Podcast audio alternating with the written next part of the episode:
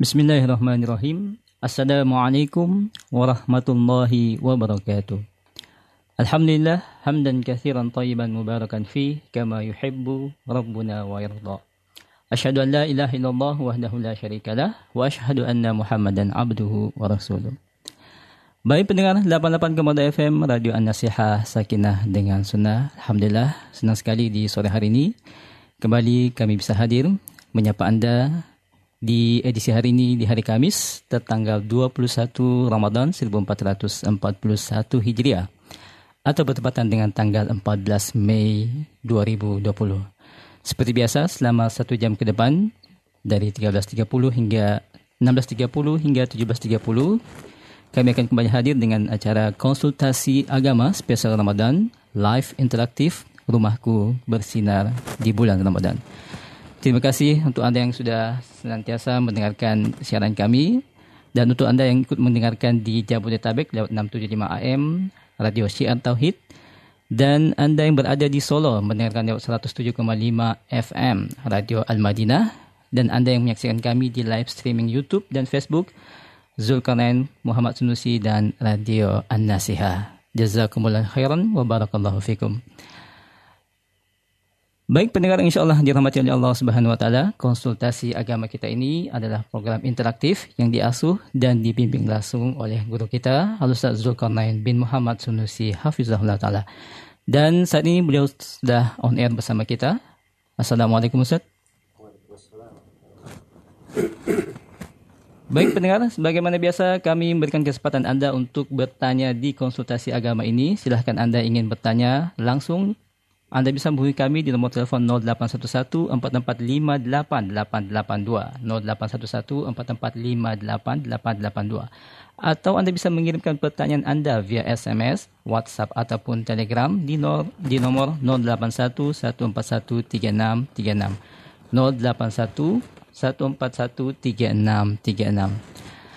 Baik untuk memanfaatkan waktu yang ada, segera kita dengarkan tausiah terlebih dahulu dari guru kita Al-Ustaz Zulkarnain Hafizul Ta'ala di konsultasi agama spesial Ramadan sore hari. Tafadhal Ustaz. Bismillahirrahmanirrahim. Alhamdulillahirabbil alamin. Wassalatu wassalamu ala. Nabiyina Muhammad wa ala alihi wa sahbihi wa man tabi'ahum bi ihsanin ila yaumil amma ba'd kaum muslimin dan muslimat, para pendengar, serta seluruh yang menyaksikan program acara ini di mana pun anda berada. Assalamualaikum warahmatullahi wabarakatuh. Beberapa ayat Al-Quran yang Karim patut kita renungi terkait dengan bagian amalia ketaatan-ketaatan yang besar yang Allah Subhanahu wa taala anjurkan. Di malam-malam Ramadan khususnya di 10 malam terakhir ini. Yang memang di 10 malam terakhir ini itu dikenal dengan sifat yang tertera pada ayat-ayat yang akan kita kaji di pertemuan sore ini di hari yang ke-21 dari bulan Ramadan. Ayat ini bertemu di surat Syariat ayat 15 hingga ayat ke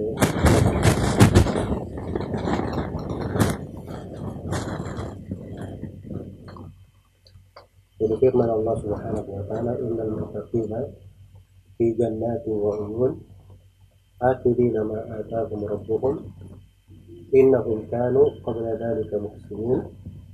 كانوا قليلا من الليل ما يهجعون وبالأسحار هم يستغفرون.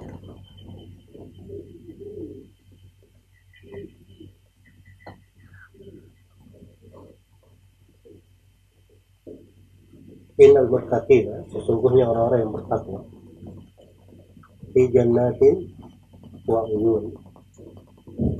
dalam taman-taman surga yang pada air mata air ini terkait dengan keberadaan orang-orang yang bertakwa di akhirat kelak. Di surga kelak. Bahwa mereka akan berada di kebun-kebun, taman-taman, dan matair-matair yang mengalir dengan sangat bersih.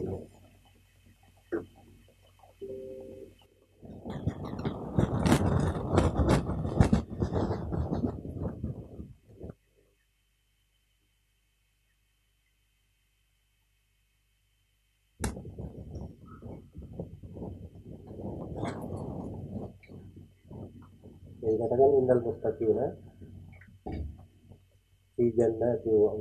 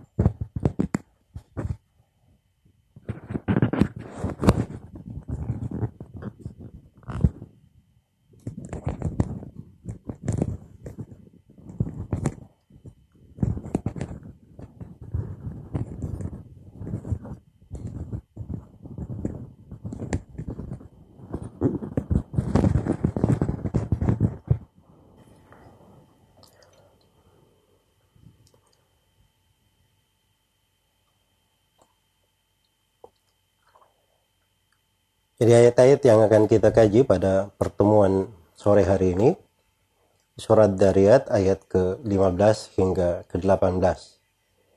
Itu firman Allah Subhanahu wa taala, "Innal muttaqina fi jannati wa uyun, akhidina ma atahum rabbuhum, innahum kanu qabla dhalika muhsinin. Kanu qalilan minal laili ma yahja'un, wa bil ashari hum yastaghfirun." Innal muttaqina, sungguhnya orang-orang yang bertakwa, fi jannati wa uyun. Di dalam taman-taman sorga dan mata air-mata air yang mengalir. Dan ini balasan disebut untuk orang-orang yang bertakwa. Dan jangan kita lupakan bahwa puasa ujungnya adalah untuk sampai ke janjian takwa ini. Ya ayuhalladzina amanu kutiba alaikumus siyamu kama kutiba alal ladzina min qablikum la'allakum tattaqun. Wahai orang-orang yang beriman telah diwajibkan atas kalian berpuasa sebagaimana telah diwajibkan atas orang-orang sebelum kalian supaya kalian bertakwa. Kemudian disebutkan setelahnya empat ayat terkait dengan hukum-hukum seputar puasa. Dan di akhirnya juga diterangkan, "Kadzalika yubayyinullahu ayatihi lin-nasi la'allahum yattaqun." Demikianlah Allah terangkan ayat-ayatnya kepada manusia supaya mereka bertakwa. Awalnya supaya bertakwa, penjelasan hukum-hukum supaya bertakwa. Dan ini adalah kebaikan untuk orang-orang yang bertakwa.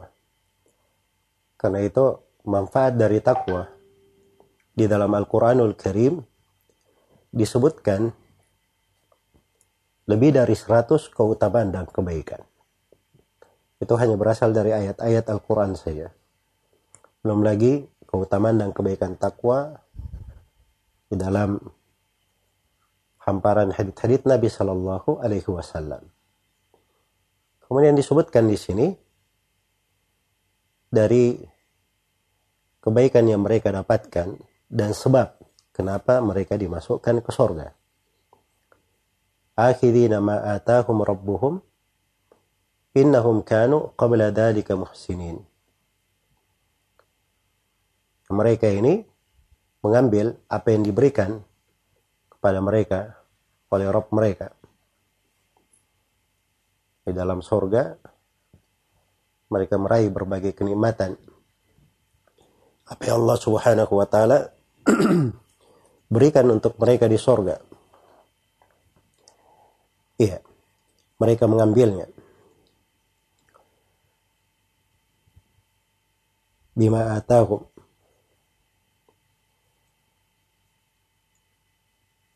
Innahum kanu qabla dhalika muhsinin sungguhnya mereka sebelum itu di dunia adalah orang-orang yang muhsinin. Adalah orang-orang yang berbuat baik. Adalah orang-orang yang berbuat baik. Iya. Itu mana umum dari akhidina ma'atahum rabbuhum. Jadi mereka di sorga mengambil dari berbagai kenikmatan, kegembiraan, dan berbagai kebahagiaan. Itu yang mayoritas di kalangan ahli tafsir seperti itu. Tadi menyebutkan riwayat dari Ibn Abbas dan selainnya bahwa mereka karena mengambil kewajiban yang diperintah di dunia. Iya. Kemudian diterangkan innahum kanu qabla dalika muhsinin. Sungguhnya mereka dulu di dunia adalah orang-orang yang muhsinin. Orang-orang yang berbuat ihsan. Beratas di atas jenjang yang sangat tinggi. Namanya jenjang ihsan. Ya. Ini balasan didapatkan disebabkan karena amalan mereka di dunia. Allah Maha membalas hambanya sesuai dengan apa yang dia lakukan. Allah maha mulia, maha dermawan, maha luas pemberiannya. Sebagaimana di ayat yang telah pernah kita kaji juga. Kulu washrabu hani'an bima aslaftum fil ayyamil khaliyah. Makan dan minumlah kalian penuh dengan kenikmatan disebabkan apa-apa yang telah amalan yang kalian telah dahulukan di hari-hari kehidupan dunia. Maka ini penting untuk diingat bahwa keberadaan kita di dunia mempersiapkan bekal menghadap kepada Allah Subhanahu wa taala itulah yang bisa membahagiakan kita. Maka sepanjang kesempatan itu dibukakan untuk kita semua, maka jangan ditelantarkan. Apalagi ini kita berada di hari-hari yang agung, kita dimuliakan oleh Allah berada di masa yang penuh dengan keutamaan dan kemuliaan maka kita sambut dengan hal yang paling baiknya. Innahum kanu qabla dhalika muhsinin kanu qalilan minal laili ma yahja'un. Ini dalam menerjemahkan ayat terkait dengan maya dalam bahasa Arabnya. Ada yang mengatakan manya nafia dan ada yang mengatakan manya masdaria. Ya ringkasnya kalau saya terjemahkan makna ayat ini, sebagian ulama berpendapat bahwa mereka ini sedikit tidak tidurnya di malam hari itu adalah mereka keadaan mereka tidak tidur di malam hari itu sedikit. Artinya mereka itu di malam hari, di bagian mana saja dari malam, pasti mereka melakukan sholat. Apakah di awalnya, atau di akhirnya atau di pertengahannya mereka ada sholat di dalamnya baik itu yang mengatakan ma nafiyah adapun yang mengatakan ma nya masdaria mereka artikan bahwa mereka ini tidurnya di malam hari sedikit sekali. Jadi kebanyakan waktunya adalah sholat. Mereka tembus kegelapan malam itu dengan ibadah dan sholat. Sehingga tidurnya sedikit di malam hari. Nah, ini dua penafsiran, dua-duanya mungkin tercakup di dalam ayat. Tercakup di dalam ayat. Dan sebaik-baik petunjuk adalah petunjuk Nabi Shallallahu Alaihi Wasallam. Di hari-hari biasa, Nabi terangkan bahwa sholat malam yang paling afdal itu adalah sholat malamnya Nabi Daud alaihi salam. Beliau tidur dua per tiga seperdua malam, bangun sepertiga malam, kemudian tidur seperenam malam. Itu beliau katakan sholat malam yang paling utama. Dan ini di hari-hari biasa. Adapun di bulan Ramadan seperti ini, ini hari-hari khusus. Keutamaan bertebaran di mana-mana. Nah itu 10 malam terakhir oleh Nabi Shallallahu Alaihi Wasallam dihidupkan semuanya beliau tidak tidur. Iya. yang dilakukan oleh Nabi Shallallahu Alaihi Wasallam. Beliau pernah sholat dari Ba'da Isya sampai menjelang sahur. Sampai menjelang sahur. Dan ini mungkin jarang terlihat di masa sekarang. Karena kondisi manusia kadang tidak terbiasa dengan hal tersebut. Iya. Tapi masih terlihat di sebagian tempat dan pernah dialami di sebagian masjid-masjid uh, yang mereka memiliki orang-orang yang terpelajar dan memiliki semangat-semangat yang tinggi melakukan hal tersebut. Dan bisa juga dilakukan di awal malam dan dilakukan di akhir malam. Dan ini yang banyak dilakukan oleh manusia sekarang ini. Dan itu difatwakan oleh banyak ulama.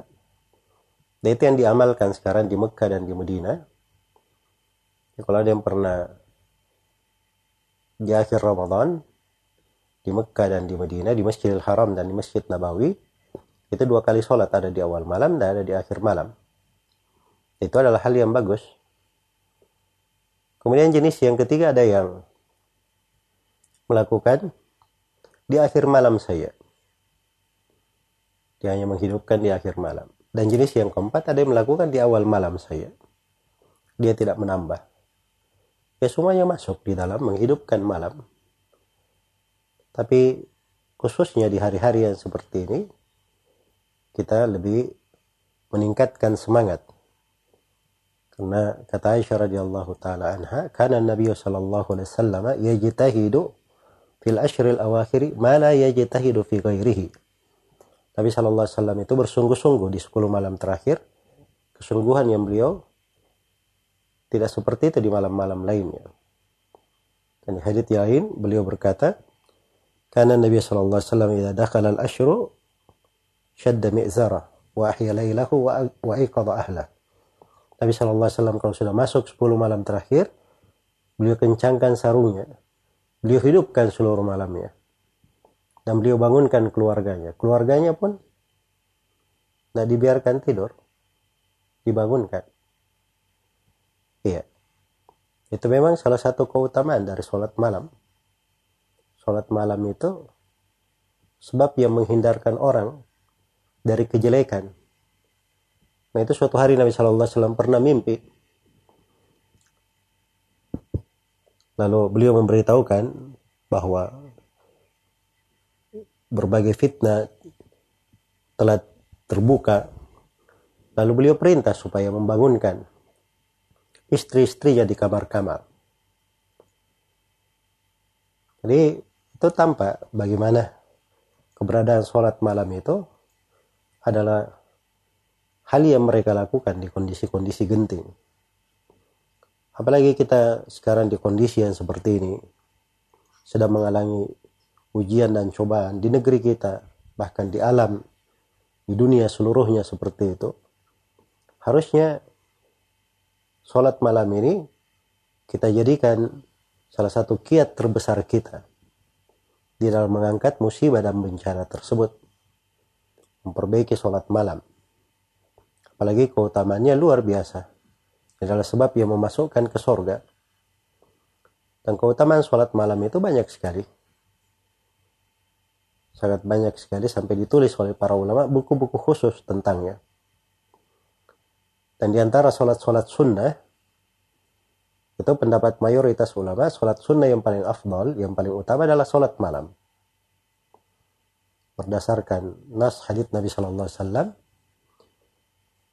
afdal salati ba'dal maktuba atau sholatul lail. Sholat yang paling bagus setelah sholat wajib adalah sholat malam.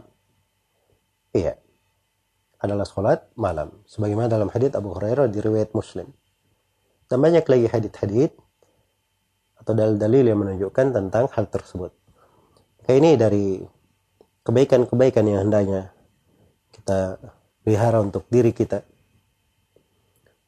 Kemudian di ayat yang terakhir dikatakan wabil ashari hum yastaghfirun dan di waktu sahur mereka selalu beristighfar.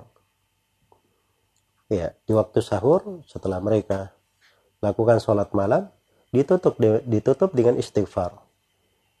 Dan ini yang banyak dilalaikan oleh manusia di saat ini. Di waktu sahur malah santai, biasa-biasa. Dan sholat malam pun di waktu sahur, kalau sudah selesai sholat malam, seakan-akan dia uh, itu waktunya untuk beristirahat. Padahal ini malamnya belum berakhir. Malam itu berakhir ketika terbit fajar subuh. Nah, harusnya di waktu itu dia memperbanyak istighfar. Permohonan ampun kepada Allah Subhanahu wa taala. Dan lebih menyedihkan lagi kalau ada yang waktu sahurnya dia pakai ya guna menunggu makan sahur atau menunggu waktu subuh, dia pakai untuk menonton acara-acara atau melihat dari kegiatan-kegiatan yang isinya membuat tertawa, membuat lalai. Ya kalau dia tidak minus, tidak plus, nol misalnya, itu mending. Tapi sebagian orang kadang melihat sesuatu itu sifatnya dosa. Adalah hal yang diharamkan. Karena itulah hendaknya seorang memanfaatkan dari kebaikan yang sangat besar ini. Istighfar itu memiliki manfaat yang luar biasa. Dan ditulis oleh para ulama buku-buku khusus terkait dengan hal tersebut. Keutamaan dan kebaikan istighfar. Istighfar adalah salah, salah satu sebab yang menyebabkan terangkatnya musibah dan malapetaka. Maka ini harusnya kita kembangkan pada dalam diri kita, kita memperbanyak istighfar, taubat kepada Allah Subhanahu wa taala Semoga Allah Subhanahu wa taala memudahkan kebaikan untuk semuanya dan menjadikan kita semua sebagai orang-orang yang bisa melewati malam-malam ini dengan ibadah yang paling afdalnya, yang paling baiknya. Bisa menegakkan sholat ini, sholat malam. Sehingga kita meraih apa yang dijanjikan oleh Nabi Sallallahu Alaihi Wasallam, "Man qama imanan wa ihtisaba, ghufira lahu ma taqaddama min dhanbi." Siapa yang melakukan sholat malam di bulan Ramadan karena keimanan dan mengharap pahala, diampuni apa yang telah lalu dan dari dosanya. Di riwayat yang lain, man qama laylatal qadri imanan wa ihtisaban, ghufira lahu ma taqaddama min dambi. Barang siapa yang berdiri melakukan sholat di malam Lailatul Qadar, maka Allah akan ampuni apa yang telah lalu dari dosanya. Wallahu ta'ala alam. Baik pendengar 88 Kemudian FM Radio Nasihat Sakinah dengan Sunnah dan pendengar yang mendengarkan kami di 675 AM Radio Syiar Tauhid dan pendengar di 107,5 FM Radio Al Madinah serta Anda yang menyaksikan kami via live streaming YouTube dan Facebook Zulkarnain Muhammad Sunusi dan Radio An Nasiha. Saatnya kita memasuki sesi tanya jawab. Silahkan Anda yang memiliki pertanyaan dan ingin berkonsultasi langsung dengan Ustadz anda sekarang bisa menghubungi kami di 0811 atau bisa Anda layangkan pertanyaan Anda via SMS, WhatsApp ataupun Telegram di 0811413636. Baik Ustaz, bisa kita angkat telepon yang sudah masuk. Baik, Ustaz.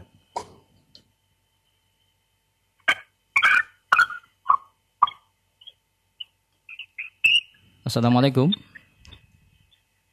Halo. Halo. Assalamualaikum. Halo. Baik, bisa mencoba menghubungi kami kembali di 0811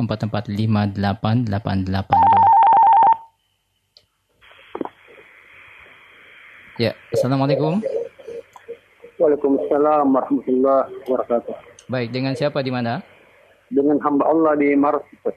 Baik, silahkan pertanyaan Pak.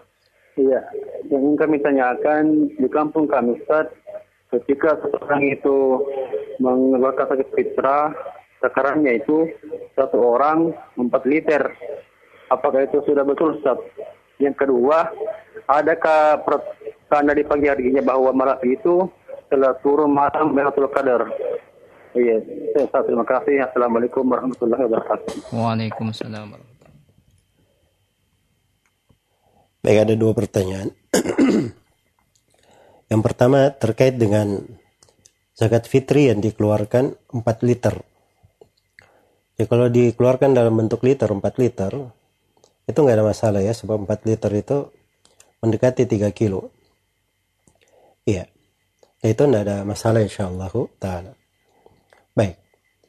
Kemudian kalau uh, terkait dengan pertanyaan yang kedua, tanda Lailatul Qadar itu memang ada tanda-tandanya, cuman tidak ada yang jelas. Iya. Misalnya di malam hari uh, suasananya tidak panas, tidak dingin, atau uh, terbit buntang bulan itu seperti baskom misalnya, atau yang semisal dengan itu dalam beberapa riwayat, yang paling jelasnya tanda itu di pagi hari setelah berlalu Lailatul Qadar di pagi harinya itu matahari terbit tidak silau. Matahari terbit tidak silau. Orang memandangnya tetapi tidak menyilaukan. Itu tanda yang paling jelas. Tapi tanda yang paling jelasnya terlihat setelah Lailatul Qadri pergi. Ya dia mau bikin apa lagi setelah itu? Cuma gigit jari saja. Karena itu tanda-tanda itu tidak penting bagi seorang hamba dia sudah tahu Lailatul Qadar ini berada di 10 malam terakhir. Dia hidupkan 10 malam terakhir pasti dapat Lailatul Qadri. Tidak mungkin tidak. Karena itu kata sebagian ulama, andai kata kata Ibnu Mas'ud radhiyallahu taala anhu, siapa ingin malam Lailatul Qadar, dia melakukan sholat malam satu tahun penuh, pasti dia dapat Lailatul Qadri. Itu Ibnu Mas'ud. Ya. Tetapi subhanallah di hadit-hadit Nabi itu hal yang lebih ringan bagi seorang hamba. Lailatul Qadar di 10 malam terakhir. Ya. Bisa dicari 10 malam. Jadi kalau Ibnu Mas'ud saja satu tahun beliau akan cari di mana Lailatul Qadar itu, apalagi kita cuma di 10 malam ini. Karena itu jangan menyibukkan diri dengan melihat tanda-tanda. Dia sibukkan diri dengan baca Al-Quran, berdoa, berdikir. Jangan sampai ada setiap menit dari waktunya berlalu tidak di dalam ketaatan. Itu yang harusnya dia sibukkan dirinya dengan hal tersebut. Semoga Allah memberi taufik kepada semuanya. Begini ada yang bertanya, apa hukum mengeluarkan zakat fitri dengan nilai uang kepada suatu lembaga? Atau yang semisalnya, sebelum waktu dikeluarkannya zakat fitri. Yang mana nantinya pihak lembaga tersebut akan mengeluarkan dalam bentuk beras dan akan diberikan kepada mustahik pada waktu yang tepat. Jawabannya nggak ada masalah ya. Kalau lembaga tersebut orang-orang yang amanah dan mereka mengerti hukum-hukum seputar zakat fitri, ya, maka itu artinya dia sudah memberikan zakat fitrinya kepada wakilnya untuk dikeluarkan pada uh, waktunya dengan bentuk yang disyariatkan. Maka itu tidak ada masalah insyaallah taala. Apa, apakah boleh memberi zakat fitri kepada para santri di pondok-pondok pesantren? Ya dilihat kalau mereka adalah orang-orang fakir dan miskin, maka mereka boleh diberi dari zakat fitri. Boleh diberi dari zakat fitri. Karena yang menjadi ukuran bukan karena mereka santri, yang menjadi ukuran karena dia adalah fakir dan miskin. Karena penyaluran zakat fitri itu diterangkan di dalam hadits Ibnu Abbas riwayat Abu Daud wa ta'matan lil masakin untuk memberi makan kepada orang-orang miskin. Semoga Allah memberi taufik kepada semuanya.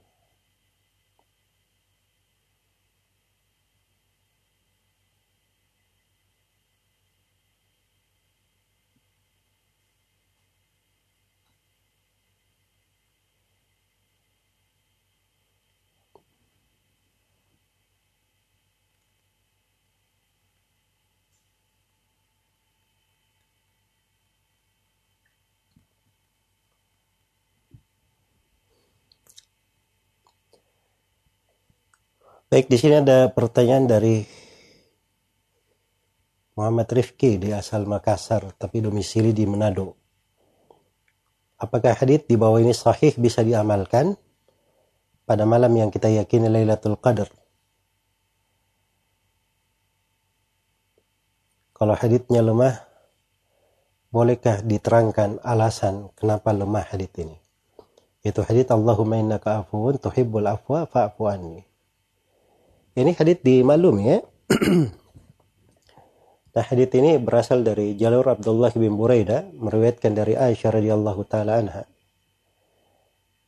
Beberapa ulama ahli hadits seperti Ad-Darqutni dan ini dikuatkan oleh Ibnu Hajar mengatakan bahwa Abdullah bin Buraidah tidak mendengar dari Aisyah radhiyallahu anha. Jadi ada keterputusan di dalam sanatnya. Dan itu yang menyebabkan hadits ini ada kelemahan. Cuman kalau doa seperti ini dan doanya bagus, lafadznya bagus, itu nggak apa-apa diamalkan. Tidak ada masalah seorang berdoa dengannya. Iya, karena maknanya bagus. Tapi dia boleh berdoa dengan doa yang lain. Ya, Alhamdulillah doa-doa itu banyak sekali dalam Al-Quran. Doa banyak sekali dalam hadith-hadith Rasulullah SAW. Dan kadang satu doa yang ada di dalam Al-Quran atau di dalam hadith Nabi itu bisa mencakup kebaikan untuk kita semua di dunia dan di akhirat.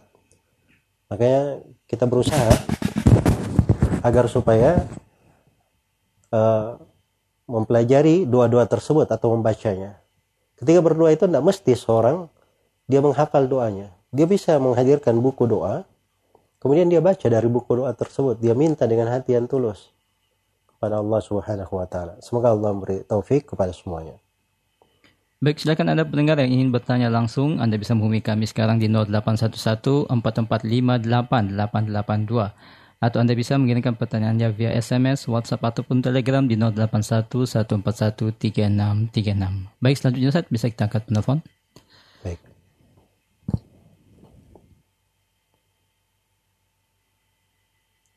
Assalamualaikum.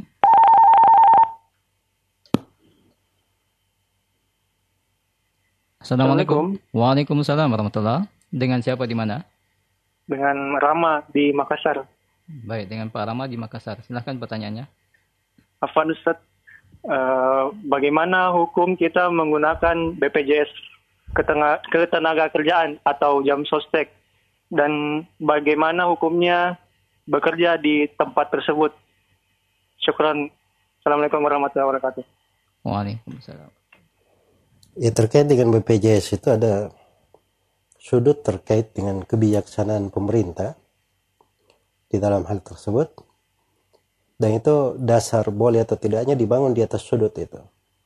Karena itu saya anggap hal pertanyaan seperti ini bukan di ranah saya. Biasanya saya tidak menjawab untuk hal ini. Semoga Allah beri taufik kepada semuanya. Baik di sini ada yang bertanya Ada nukilan dari para ulama madhab syafi'i yang membolehkan itikaf di rumah dengan membuat panggung kecil yang dipaku agar tidak bergerak dan mewakafkan sebagai masjid walaupun nanti dibongkar. Apa ini dibenarkan? Wallah alam ya saya nggak tahu nukilannya apa itu benar atau tidak. Tapi akhirnya ini ada kontradiksi. Diwakafkan sebagai masjid, setelah itu boleh dijual. Wakaf itu nggak boleh dijual. Iya. Jadi kalau dia bikin suatu masjid, masjid itu bisa dipakai untuk semuanya. Bisa dipakai untuk semuanya. Itu terkait dengan apa namanya? Terkait dengan dengan masjid. Ya jadi kalau misalnya dia di rumah, dia buat masjid khusus di rumah untuk dia sholat, boleh saja. Ya itu tempat sholat namanya.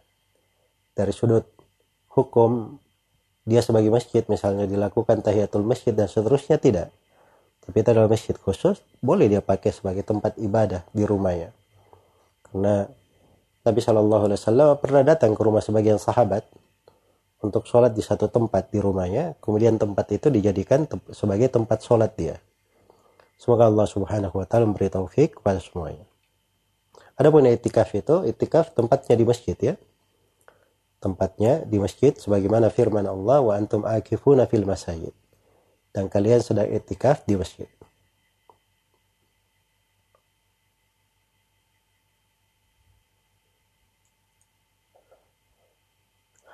Bolehkah penerima zakat fitri menjual sebagian zakatnya untuk memenuhi keperluan lain?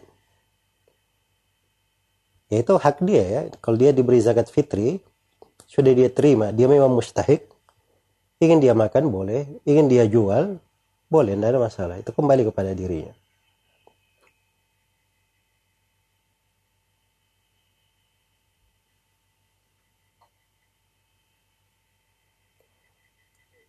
Adakah sujud sahwi atau syahkah sholat diulang? Atau haruskah diulang sholatnya apabila seorang itu melebihkan rakaat karena lupa. Contohnya sholat maghrib 4 rakaat ya kalau dia sholat maghrib empat rakaat harusnya kan tiga rakaat. Begitu dia berdiri ke rakaat yang keempat dia baru ingat bahwa ini sekarang dia menambah maka dia kembali turun. Tidak boleh dia lanjutkan. Kembali turun lalu dia salam. Setelah salam dia sujud sahwi dua kali. Setelah itu dia salam lagi. Nah, begitu caranya karena dia menambah. Kalau misalnya dia ingatnya nanti setelah salam baru dia ingat ternyata ini empat rakaat maka tidak ada masalah.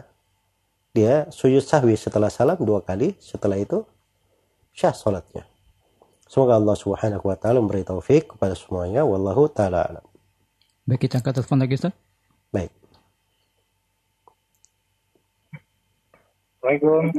Waalaikumsalam warahmatullah dengan siapa di mana? Iya, dengan Alan ini. ya dengan Bapak Alan silahkan. Ya, Bismillahirrahmanirrahim. Assalamualaikum warahmatullahi Eh, iya, saya ada beberapa pertanyaan ini Pak Ustadz. Eh, mohon, mohon maaf. Karena ini saya uh, menyimak yang hari ini pertanyaan saya mungkin tidak tidak banyak yang berhubungan. Tapi pertanyaan ini eh, rangkuman dari beberapa hari selama ini saya dengar. Karena cukup susah untuk menelpon ternyata.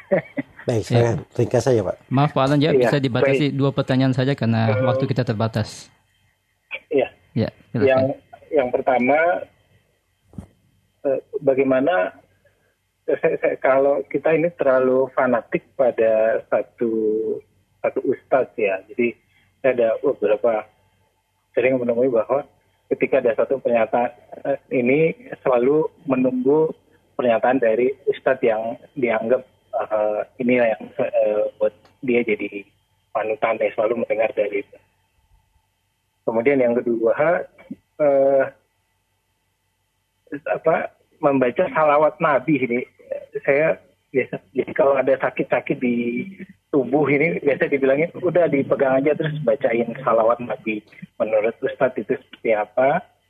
Terus eh, kemudian untuk 10 hari terakhir ini yang biasanya kita iktikaf di masjid, nah sekarang apakah ada amalan eh, yang kita juga bisa lakukan di rumah eh, sebagai eh, apa bukan pengganti atau ya masih ada amalan khusus yang dilakukan biar eh, itu tidak iktikaf di masjid, maksudnya di, di rumah juga itu dilakukan bisa lebih ini.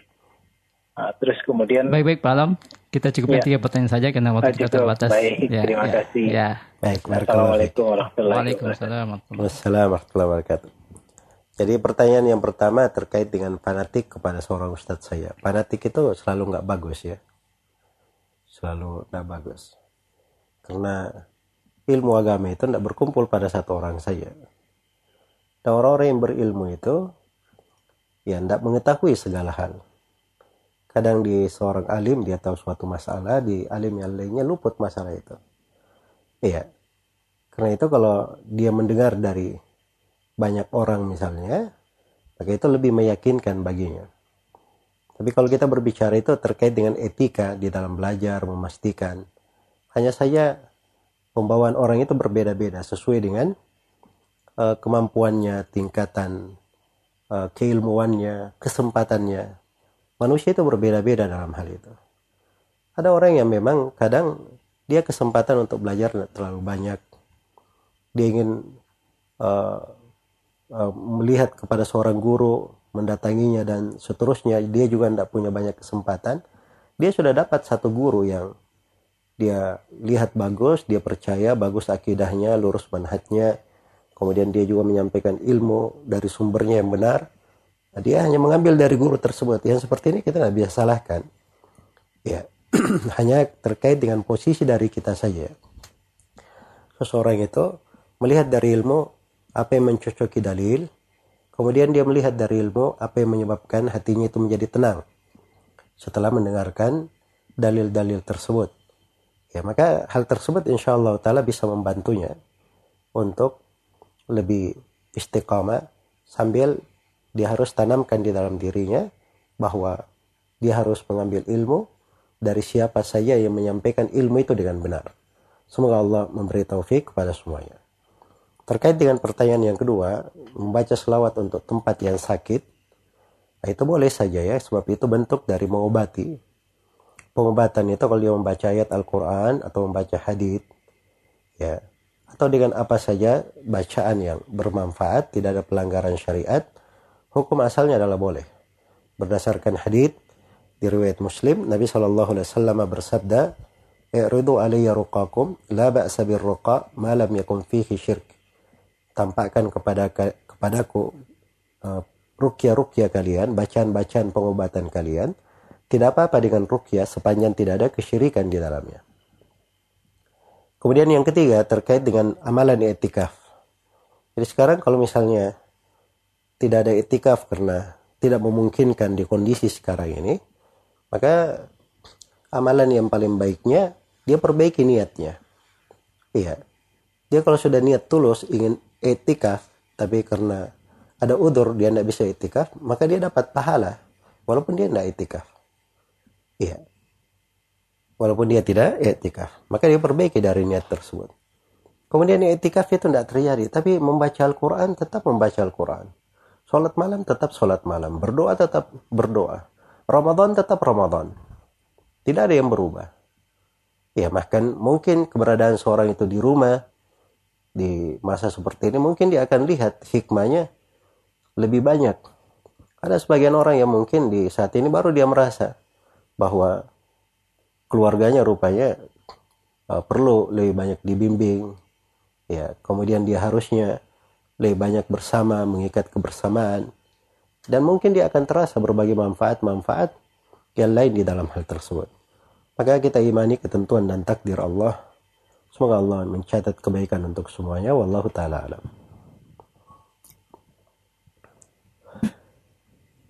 Baik, pertanyaan berikutnya.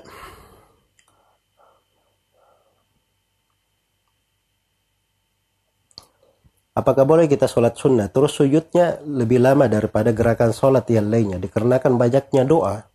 Permintaan yang saya minta kepada Allah pada saat sujud. Kalau boleh, boleh saja ya. Hanya saja kalau dia ingin memperpanjang doa di situ, sebaiknya dia memperpanjang bacaan juga pada saat dia berdiri. Kalau perpanjang bacaan, dia panjangkan doanya itu seimbang. Iya. Ya, itu lebih bagus. Semoga Allah memberi taufik kepada semuanya.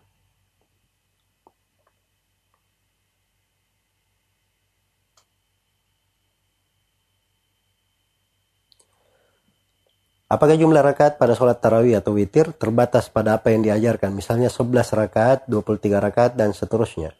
Apakah boleh kita mengerjakan sholat tarawih dengan rakaat yang tidak terhingga hingga menjelang sahur? Dengan maksud menghidupkan malam. Baru setelah itu ditutup dengan satu rakaat witir. Apa boleh seperti itu? Jawabannya boleh, nggak ada masalah. Karena di dalam hadits Ibnu Umar riwayat Muslim Rasulullah SAW bersabda, Salatul lail mathna mathna.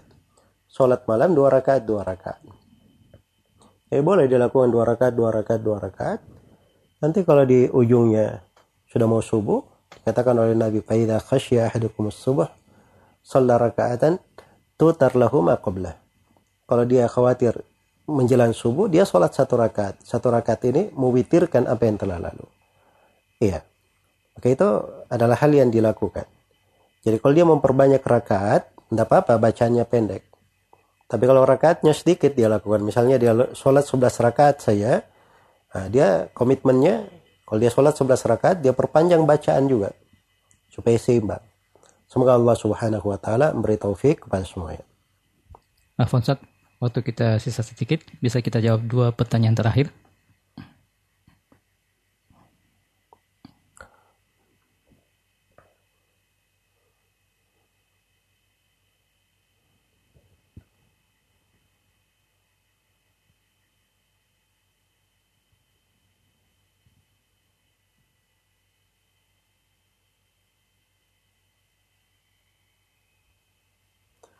Bagaimana hukum jika orang tua tidak mampu untuk berpuasa?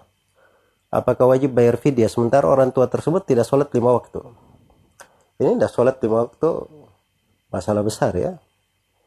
Nah, tidak sholat lima waktu itu itu bukan masalah sepele dalam agama. Sholat itu lebih penting daripada puasa. Kalau dia tidak sholat sama sekali, walaupun dia puasa, puasanya tidak akan diterima. Kalau dia tidak sholat. Iya. Tapi terkait kalau misalnya dia tidak puasa, tidak mampu, oleh anak-anaknya tetap dibayarkan fidyah, itu nggak ada masalah. Tidak ada masalah. Seorang itu rugi uh, satu kali, itu lebih mending daripada rugi dua kali. Dia rugi dalam satu hal, itu lebih mending daripada dia rugi dalam dua hal. Semoga Allah memberi taufik kepada semuanya.